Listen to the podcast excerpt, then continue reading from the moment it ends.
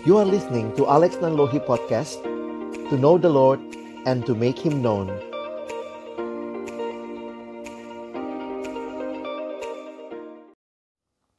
Shalom teman-teman. Kali ini kita akan belajar dari satu buku dengan judul Menjadi Kristen Ditulis oleh John Stott Sebuah buku saku yang diterjemahkan dari buku asli berbahasa Inggris dengan judul Becoming a Christian yang harus benar-benar dipikirkan. Sebelum mengambil keputusan menjadi Kristen, kita harus benar-benar memikirkan semua akibatnya.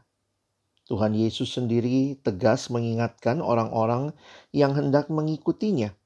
Kalau-kalau mereka tertarik mengikutinya hanya karena luapan perasaan tanpa perhitungan yang matang. Ia mendesak mereka agar jangan sekali-kali membuat suatu keputusan sebelum benar-benar memikirkannya.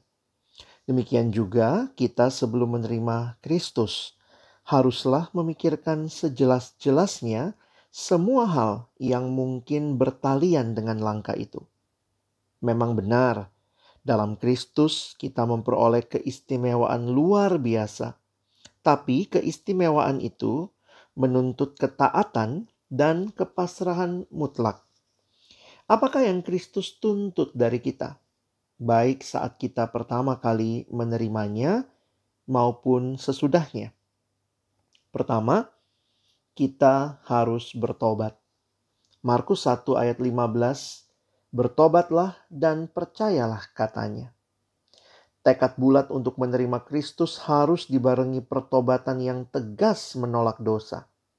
Bertobat bukan berarti hanya menyesali corak hidup lama. Kesedihan dalam menyesali hidup lama itu tidak cukup. Kita harus benar-benar bertobat. Artinya, kita harus bertekad mengubah total corak hidup kita yang lama, yang benar-benar kita yakini salah. Dan kita harus benar-benar rela membiarkan Kristus merombak semua hal itu dari dalam hidup kita untuk selama-lamanya.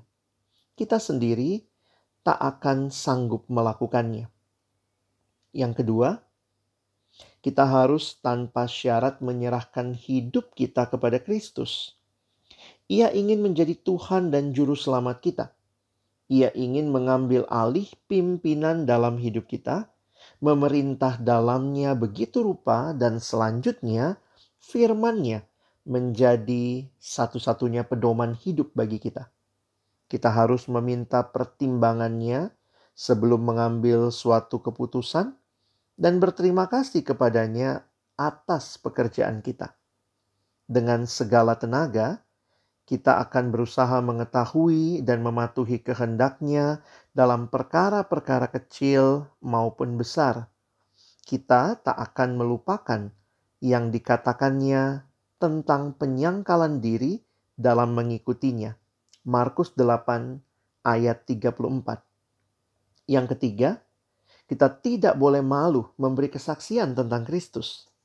Kita tak boleh merahasiakan bahwa kita adalah murid Kristus.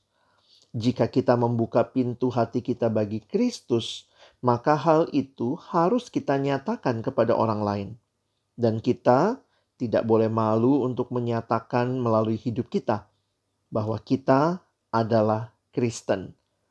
Bila kita ditentang, maka dengan tegas kita harus memberi kesaksian bahwa kita adalah Kristen.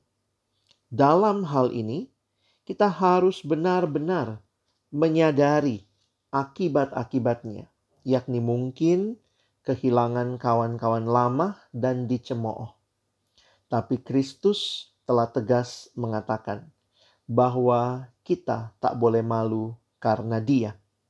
Di dalam Matius 10 ayat 32 dan 33 dan di dalam Markus 8 ayat 38. Bagi kita menderita karena Kristus adalah kehormatan besar.